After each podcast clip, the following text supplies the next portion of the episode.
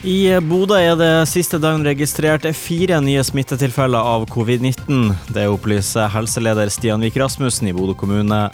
To av tilfellene er arbeidsinnvandring, mens smittesituasjonen for de andre to er uavklart.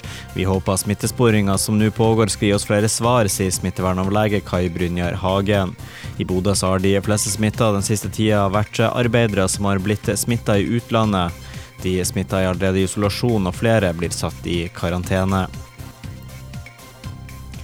Vedlikeholdsarbeid sørger for ventetid og stengt tunnel. Det gjennomføres for øyeblikket vedlikeholdsarbeid i Verthaugtunnelen på fv. 17. Manuell dirigering ventetid er ca. 20 minutter, melder Statens vegvesen. Arbeidet skal etter planen avsluttes klokka 18 i kveld. Også i Røvikatunnelen på rv. 80 skal det gjennomføres vedlikeholdsarbeid. Den vil bli stengt som følge av arbeidet, men omkjøringa vil bli skilta, melder Statens vegvesen.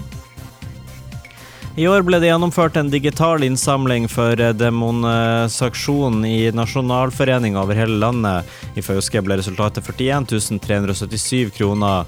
Da vi ikke kunne gå med bøsser som før, hadde vi innsamling på Facebook og via Vips. I tillegg fikk vi 2500 av billettinntekter etter konserten på Fauske kino, Lyden av Fauske.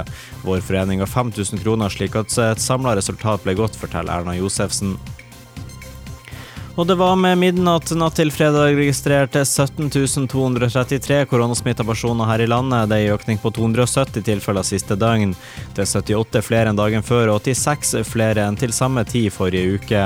Dermed nærmer vi oss nivået fra mars. Da hadde Norge på det meste mellom 200 og 300 daglige smittetilfeller, med en topp 24. mars med 313 smittetilfeller. Og det var siste nytt. I studio, Benjamin Solås.